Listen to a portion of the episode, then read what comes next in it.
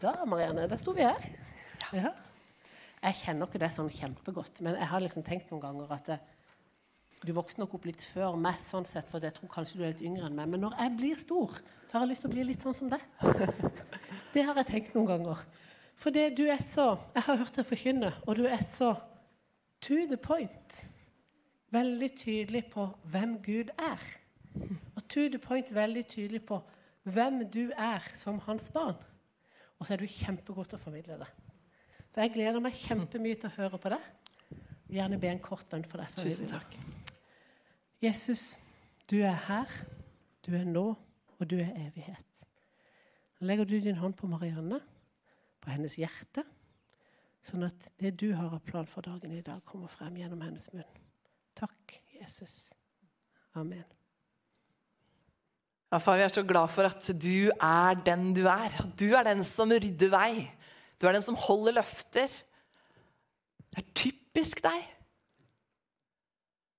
Og så takker vi deg for at det er du som har sagt at når to eller tre er samla dine, så er det midt iblant oss. Takk skal du ha. Takk for at du er så overgitt til oss.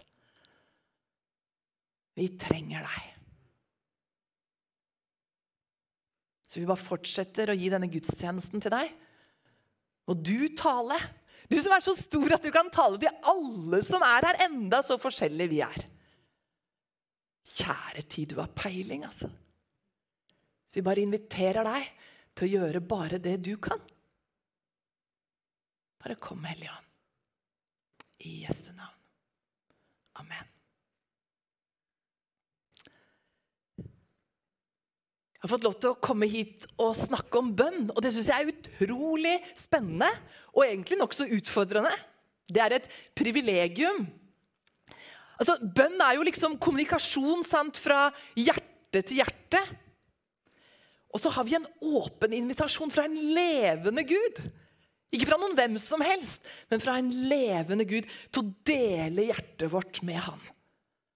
Og til å lytte til Han. Så tenker jeg at vi trenger det. Å inspirere hverandre, utfordre hverandre. Jeg trenger i hvert fall det. da. Å bli både inspirert og utfordra ta bønn som en sånn hverdagspuls, som en livsstil. Ikke ut fra noe sånn dårlig samvittighet eller krav, eller, men ut fra en levende relasjon til Jesus. Og Det skal vi prøve å snakke litt om i noen få minutter i dag. Men før det da, så skal jeg bare si det at eh, jeg heter fortsatt Marianne Braseth. Eh, og jeg er veldig glad for å få lov til å komme tilbake hit til Hånes frikirke. Og det her er gjengen min.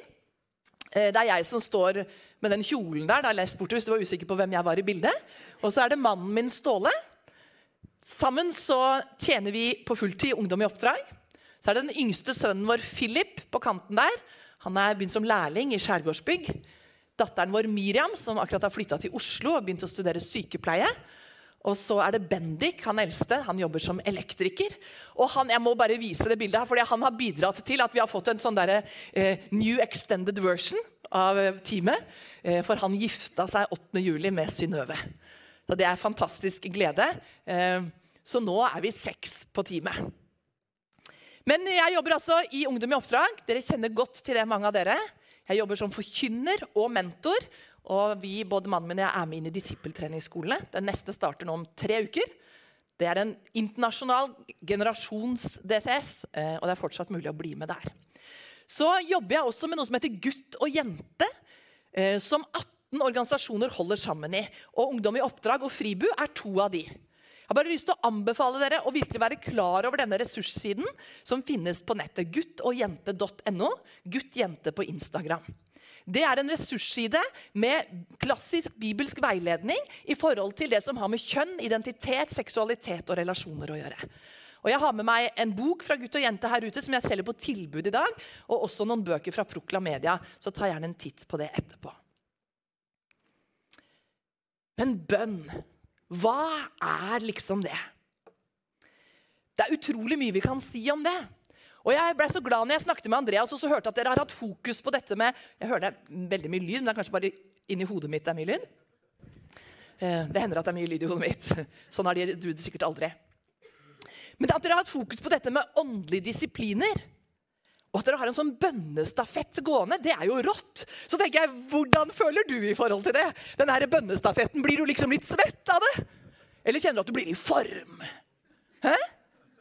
Altså, For det er jo litt forskjellig sant, hva slags forhold vi har til bønn. Og vi er garantert på veldig forskjellige steder. Enten vi er med på noe bønnestafett eller syns at det er et fremmedord. liksom.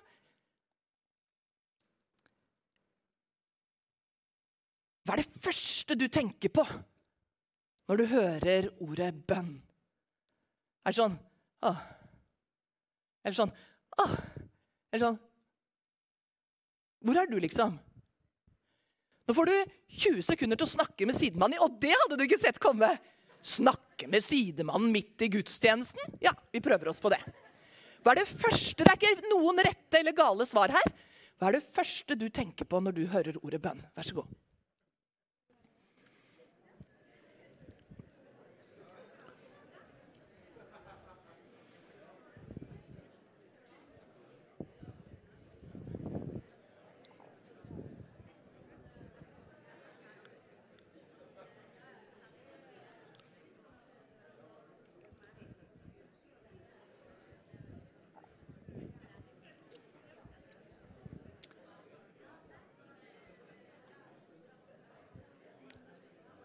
Jeg er sikker på at det ble sagt ganske mange forskjellige ting nå.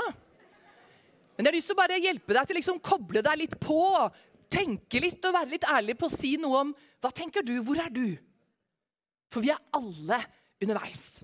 Det som jeg tenker da, det er at bønn det er en åpen invitasjon. En helt sinnssyk, sinnssyk, faktisk hemningsløs invitasjon direkte fra himmelen. Altså, bare hør hva sjefen sier, liksom. Hæ? Jeremia 33, 33,3. Rop til meg, så vil jeg svare deg. Hører du det? Rop på meg, så vil jeg svare deg og fortelle deg store og ufattelige ting som du ikke kjenner til. Det er Guds hjerte. En åpen invitasjon til deg og meg. Alltid tilgjengelig. Han inviterer oss på en måte til seg sjøl, en levende Gud. Han inviterer oss til å dele hjertet vårt med han. Og det er nesten for godt til å være sant, men det er godt det er sant. Han er klar for å dele ting som ikke vi vet, ting som ikke vi kjenner til. Og det er en invitasjon som vi ikke må gå glipp av. Du vet at Hvis du får en invitasjon som du vet er veldig sjelden, det er bare akkurat nå, akkurat i dette lille tidsrommet, så må du gripe muligheten. Men så har vi en åpen invitasjon som gjelder alltid. Så tenker jeg, kjære Gud, må det ikke bli sånn at derfor så benytter jeg meg ikke av det. Derfor så utsetter jeg det bare. Eller tenker at nei, det kan jeg jo gjøre seinere. Det er en åpen invitasjon og I Salme 62, vers 6-9, Salme 62, vers 6-9, så står det bare hos Gud skal jeg være stille. Fra Han kommer mitt håp. Bare Han er min klippe og min frelse og mitt vern. Jeg skal ikke vakle.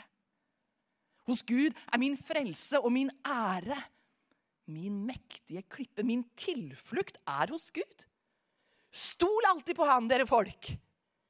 Øs ut deres hjerte for ham. Gud er vår tilflukt. For meg så handler de versene her fra Salme 62 om bønn. Sånn? Om å være stille, om å få håp, om å stå på en klippe og oppleve frelse og vern. Tillit og få kunne tømme hjertet. Bønn er tilflukt. Og så kan vi få lov til å lytte til han, og han lytter til oss. I Salme 25, 14, Salme 25, 14 så står det Herren har fortrolig samfunn med dem som frykter han. I pakten med han får de rettledning. Fortrolig samfunn. En åpen invitasjon. Bønn er fortrolighet. Og bønn er ikke bare for liksom bønnemøter eller bønnestafett fetter eller de store anledningene. Nei, bønn er hverdagspuls. Bønn er en livsstil. Jeg tror at det er det Gud i sin omsorg, i sin visdom, i sin sjenerøsitet inviterer oss til. Det er ikke snakk om bare en bønnetime. Bønnetime, Hadde jeg vært der, så hadde det vært fett. liksom. Eller bønneminutt, da. Eller bønnestund, eller hva vi kaller det. Det er en pågående kommunikasjon som vi blir invitert til. Bønn er en relasjon, ikke en aktivitet.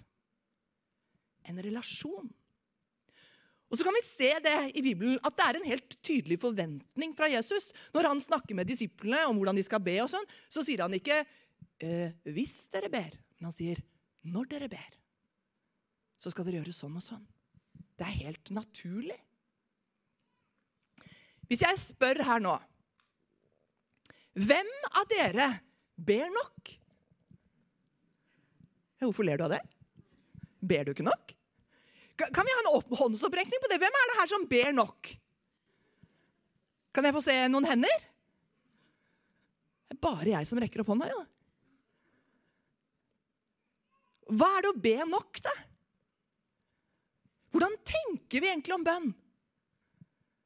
For bønn er jo ikke en prestasjon.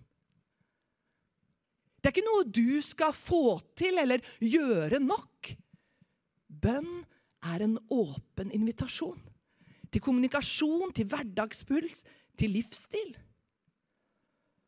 Jeg tenker at Det er helt feil spørsmål jeg, å spørre hvem som ber nok. For at jeg tenker, nei, Det er jo veldig lite ydmykt å rekke opp hånda på det. Men når ville du noensinne ha rukket opp hånda? da? Leser du nok? Ber du nok? Vitner du nok? Det er alltid rom for vekst, vet du. Men Jesus er nok. Så jeg ber nok, men jeg kan be enda mer. Sant? Jeg kan snakke med Gud akkurat når jeg vil. Så kjære Gud, la meg velge det igjen og igjen og ville det mer.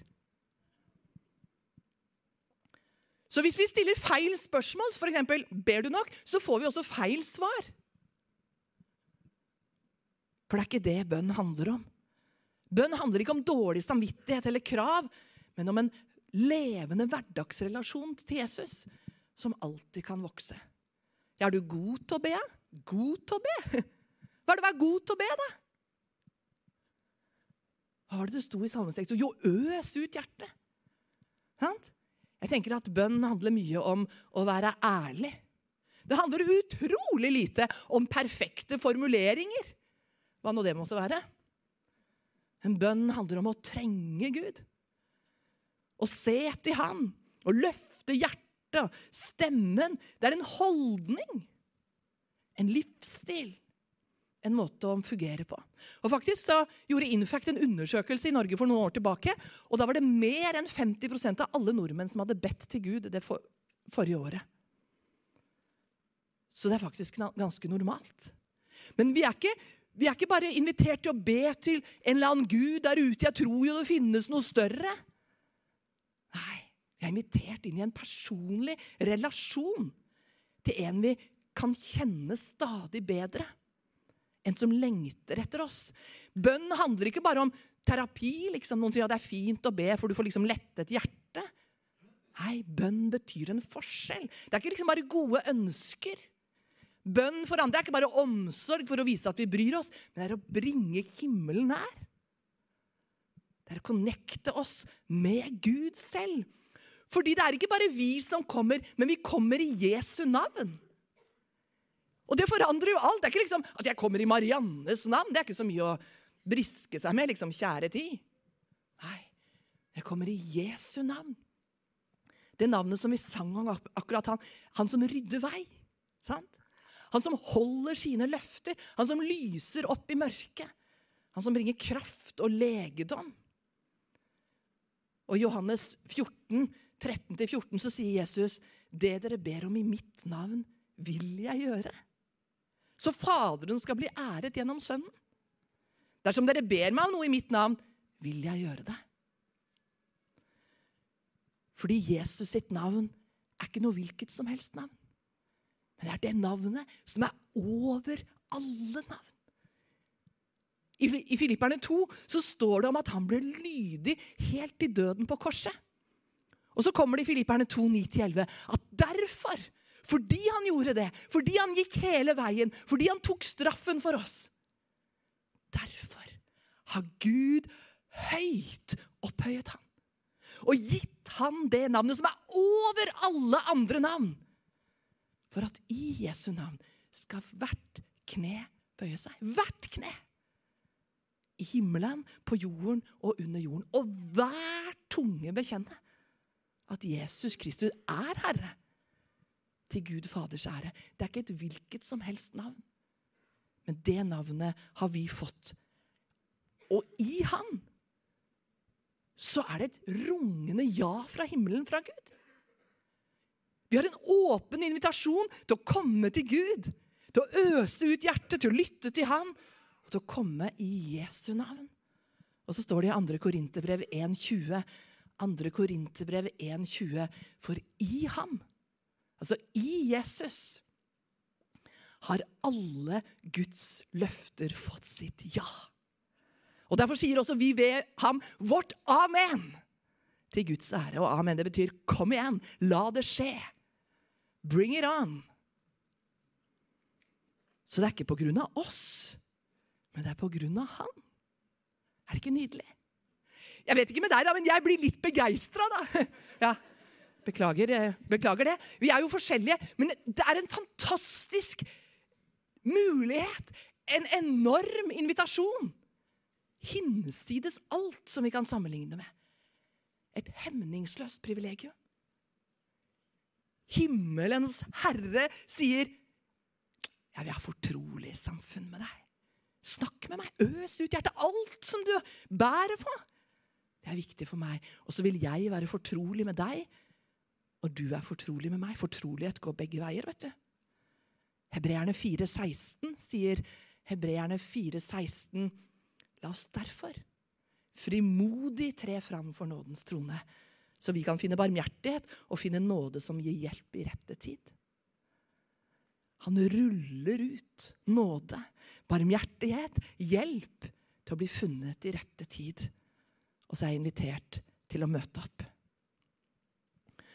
Og bønn handler ikke om å gjøre alle de rette tingene, si alle de rette tingene. Men som jeg har sagt, så tror jeg det handler mest av alt om en relasjon. Jeg tror at bønn handler om det å skape sammen med Gud. At han inviterer oss til å bare komme nærmere han. Litt etter litt. Midt i hverdagen, midt i livet, i alle slags livsfaser. Litt og litt nærmere han. Og gjenkjenne litt og litt tydeligere hvem han er. Hva hans vilje er, hva hans tanke er hvordan han leder oss. Og så inviterer han oss til å skape sammen med ham. Vi kan få lov til å be inn i ting som ikke finnes.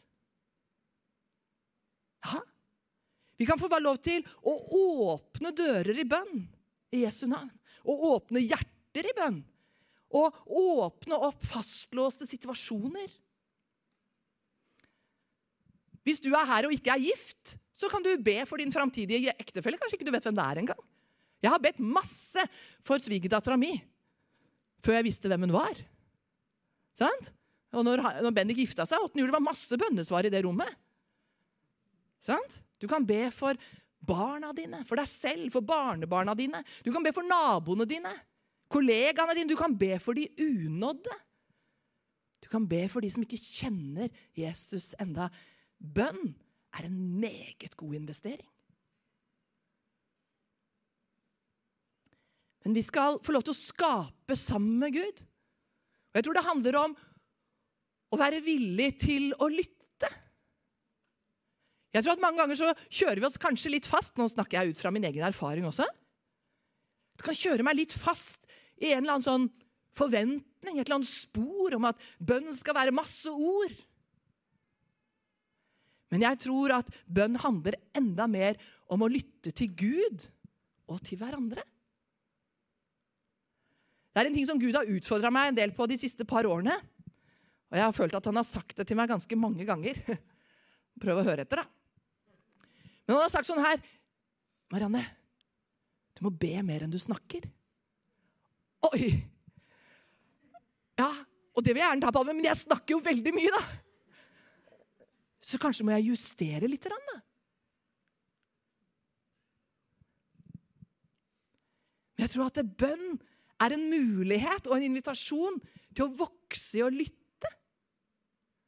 Å lytte til Gud og lytte til hverandre. For bønn er vel så mye å lytte som å tale. Så tenker jeg, Det er jo da det blir spennende å be. Du har sikkert aldri vært på et sånt bønnemøte, men det har jeg vært. Et sånt bønnemøte hvor noen bare ber og ber og ber. Kanskje har man blitt delt bønneemner, og så ber man for alle bønneemnene på en gang. Og så har du falt av etter de første 15 setningene, liksom. Vet du at Bønn er samtale, bønn er kommunikasjon, både med Gud, men også med hverandre. Og Det er mye mer spennende å be sammen når vi bygger på hverandres bønner. Jeg er sikker på at mange av dere har veldig rike erfaringer med det. Å lytte det blir som en samtale og si 'ja, jeg er enig'. Ja, mer av det, Gud. Mer av det som hun sa. Og så støtte opp og utvikle og bygge ut hverandres bønner. Da blir det dynamisk, det blir levende, det blir spennende, det blir givende. Det blir liv. Og hvis vi kommer til Gud, altså hvis vi er i nærheten av å ta inn hvem han er, da Han som er så stor, han som er den høyeste universets herre Så er det jo egentlig rimelig frekt å bare komme til han og liksom bare Bare øse ut alt jeg har, og så bare Ha det. Amen. Og så Noen ganger så tenker jeg det er nesten som om Gud står der liksom eh, eh, Ja. Jeg hadde egentlig tenkt å si noe, men ha en fin dag. Skjønner du? Og så glemmer vi jo helt å lytte. Kanskje har du noen sånne i familien din, eller kanskje er du en sånn sjøl. Som snakker mye. En i vennekretsen din, eller hvor Du kommer liksom aldri til. Så tenker jeg, kjære Gud, må du hjelpe meg i mitt bønneliv til å slippe deg til og slippe andre mennesker til. For det handler ikke om alle ordene mine. Jeg tenker at det er lurt å innføre aktiv lytting i bønnelivet ditt. I bønnelivet mitt. Og det handler om mange ting. Det handler om innstilling, det handler om kroppsspråk. Hvilket, hvilken kroppsstilling inntar du i bønne, bønnelivet ditt? Er, det liksom, er du der? Eller er du litt mer sånn framoverlent? Er du litt mer på? Litt mer lyttende? For det er jo ikke bare ordene vi ber. Men vi ønsker å posisjonere oss. Posisjonere hjertet vårt, tankene våre, omstendighetene våre. For å lytte, for å få med oss ting. Være påkobla, oppmerksom, fokusert. Min bønn er at jeg får feste blikket og hjertet på Jesus. At jeg kan få bøye både hjertet og viljen min og legge ned mine egne tanker. Ja, Vi kan få øse ut hjertet alt vi tenker på, men jeg må være villig til å legge ned min egen agenda. Og så spørre Gud, hva tenker du? Hva er viktig for deg? Hva er det du ønsker at jeg skal be om i denne situasjonen å bøye min egen vilje. En som heter Blaise Pascal, har sagt et menneske er størst når det kneler. Og Gud som kjenner alle, som vet alt, han er jo en glimrende tolk. vet du. Så når vi kommer sammen i menigheten, i smågrupper, i bønnestunder og skal be sammen, så er jo Den hellige ånd vår tolk, som kan hjelpe oss både til å forstå Han og hverandre. Så la oss være sensitive både overfor Gud og overfor mennesker når vi ber. Han ønsker å styrke enheten. Han ønsker å styrke forståelsen. Og hvis vi lytter til Gud sammen, så styrker det fellesskapet noe helt vilt. Det knytter oss sammen, det åpner opp for nye dimensjoner, nye tanker. Og så er det jo sånn at både du og jeg, alle sammen, vi forstår stykkevis. Vi taler profetisk stykkevis. Når vi da lytter sammen, så får vi noe hver. Sånn at bildet vårt sammen blir større. Bildet vårt sammen blir tydeligere. Bønnene våre sammen blir mer konkrete og mer målretta. For ja, bønn er ikke en prestasjon, det er en relasjon. Men samtidig så står det veldig rett ut i Bibelen også at vi kan be feil. I Jakob 4 i Jakob 4, vers 2 og 3, så står det dere har ikke fordi dere ikke ber. Og dere ber, men får ikke fordi dere ber galt. En hovedmotivasjon ved å be er å kjenne Gud bedre. Men en annen hovedmotivasjon er jo å få svar. Er du ikke enig? Vi ber jo til Gud for å få svar. Er det noen her som har fått bønnesvar? Herlig! Se alle de hendene. Er det noen her som har bedt om noe som du ikke føler du har fått svar på? Hvis ikke så lyver du kanskje akkurat nå. For det tror jeg vi har opplevd alle sammen. Men når er det Gud har lovet bønnesvar, da? Hvilke bønner svarer Gud? Det som Bibelen i hvert fall sier veldig tydelig, det er at vi er invitert til å komme til Han med alt vi er, men så er vi invitert til å be etter Hans vilje. I Johannes, 1. Johannes brev, kapittel 5, 1. Johannes 5, vers 14 og 15 1. Johannes 5, 14 og 15 så står det dette er vår frimodige tillit til Han. At Han hører oss når vi ber om noe som er etter hans vilje. Og når vi vet at han hører oss hva vi enn ber om, så vet vi at vi allerede har det vi har bedt han om.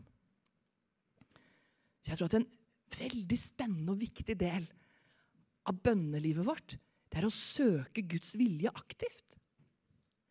Og hvor finner vi Guds vilje? Vi finner det veldig tydelig i Guds ord. Tydelig, sa du? Ja. Utfordrende? Ja. Det er ikke alt som er like lett å forstå. Nei. Men Guds ord er full av Guds vilje. Så vi trenger å kjenne Guds ord. Vi trenger å søke Hans hjerte aktivt. Fylle oss med Hans ord, og det vil hjelpe oss å be om det som er etter Guds vilje. En bønn som jeg ber nesten hver dag, det er sånn Gud, la meg tenke mer og mer sånn som du tenker. La meg høre mer og mer hva du sier. La meg se det samme som du ser si det samme som deg og gjøre det du gjør. Jeg tror at Den hellige ånd kan virke, og jeg har erfart i mitt eget liv, at han kan virke, at vi forme oss mer og mer lik sitt bilde. Sånn at jeg mer og mer vil tenke det han tenker, og be om det som er på hans hjerte. Formes mer og mer lik hans tanke. Det nye testamentet snakker også om at vi kan få en gave i å be i tunger. Be i ånden. Det er ikke nådegaven med tungetallet med tydning jeg snakker om nå, men et bønnespråk. Sant? Et lovprisningsspråk. Vi rekker ikke å snakke så mye om det i dag. Men det står om det at når vi ber i ånden, så vi, styrkes vi i vårt indre menneske. Og så står det at ånden ber om det som er etter Guds vilje. Det som er rett. For han kjenner alle ting, også dybden i Gud. Så det jeg gjør mye når jeg ber, er at jeg ber i tunger. For da vet jeg at jeg ber om det som er etter Guds vilje. Da er det ikke forstanden min som ber, men jeg ber, og så får jeg tanker om hva jeg skal be om. Jeg kobler meg på Guds vilje og Guds tanke. Noe annet jeg gjør, er at jeg ofte ber med penn. Har du gjort det? For å hjelpe meg selv å være fokusert, så skriver jeg bønner, skriver tanker. Særlig hvis jeg kanskje er litt trøtt eller stressa eller har mye som skjer rundt meg. Det er forskjellige ting som kan hjelpe oss til å være mer oppmerksomme og være mer til stede. For ikke så lenge siden så ba den yngste sønnen min for en kompis. Han hadde vridd kneet sitt, og han hadde fått så vondt. Han kunne ikke løpe eller gjøre sport eller noe. Og så hadde de noe som heter Sommerkirka, som de har hatt en del ungdommer som har hatt rundt omkring forskjellige steder i Agder i sommer. Kanskje noen av dere har vært der eller hørt om det. Og så la han hendene på han og ba for kneet, og så etterpå var han helt frisk. Han kunne gjøre all slags sport. Vet. Bønn er veldig konkret. Det at Vi kan be rett inn i behov som er der, og Gud ønsker å berøre.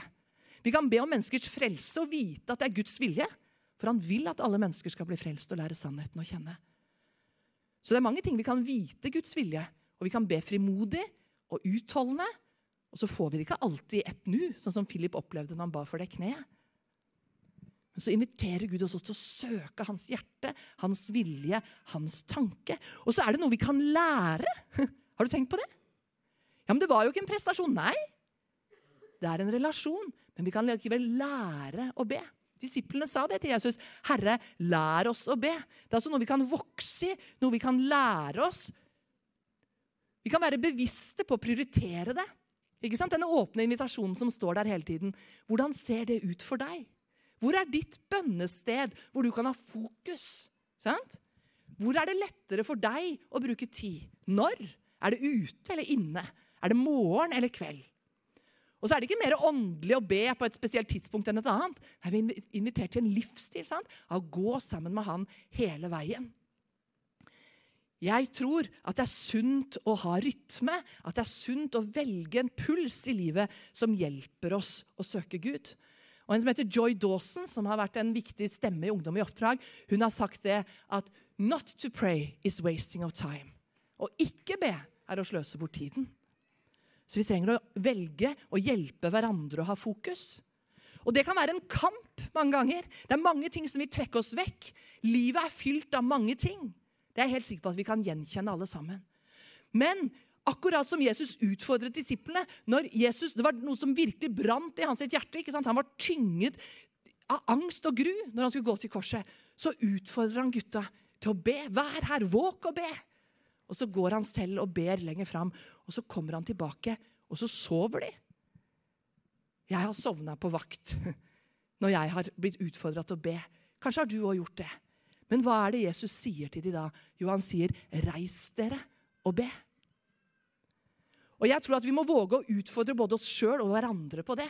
At ikke vi lar travelhet, ikke vi lar alt mas og jag i livet tynge oss ned eller overvelde oss eller gjøre oss så trøtte at vi sovner bort fra å ha den kommunikasjonen med Gud. Det er et kall til å være våken. Det er et kall til å være med i åndskampen. Det er et kall til å gå nær til Guds hjerte og være i brann for det som han brenner for. Men det er ut fra relasjon, ikke ut fra prestasjon. Men vi trenger å utfordre hverandre på ny, hver generasjon, til å være en generasjon som er utholdende i bønn. Jeg vet ikke hvem som har sagt det her, men du kan ikke snuble når du ligger på kne. Så det å være med sjøl og be for andre og be om at Gud skal dra oss nærmere seg, at han skal reise oss opp, å be etter hans vilje, det er utrolig viktig. Det siste sitatet jeg skal gi deg, det er fra faren min. Han het Martin Synnes. Han døde for fire år siden. Og han sa dette her en gang. Den som har en stor Gud, ber store bønner. Så kanskje er det noe å reflektere over inn i denne ettermiddagen her. Hvilken, bare lytt til dine egne bønner. Hva slags bønner ber du? For det avspeiler også gudsbildet ditt. Det var en pappa som kom til Jesus med sønnen sin, som fikk anfall og ble kastet i ilden. Og så sa han, det er i Markus 9, så sa han, om det er mulig for deg, så sett gutten min fri. Om det er mulig for meg, sa Jesus. Alt er mulig for den som tror. Og så roper denne faren ut, jeg tror, hjelp min vantro. Dønn ærlig med hvor han var. Og Jesus gjorde et mirakel. Så bønn er ikke en prestasjon.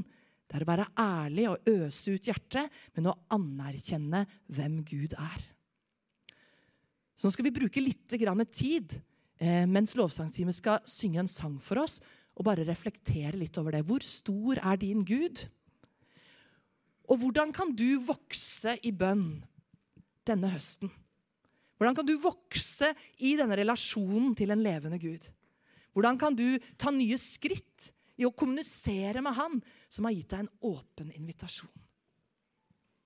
Så jeg vil utfordre deg til å tenke litt over det, og gjerne ta noen notater også.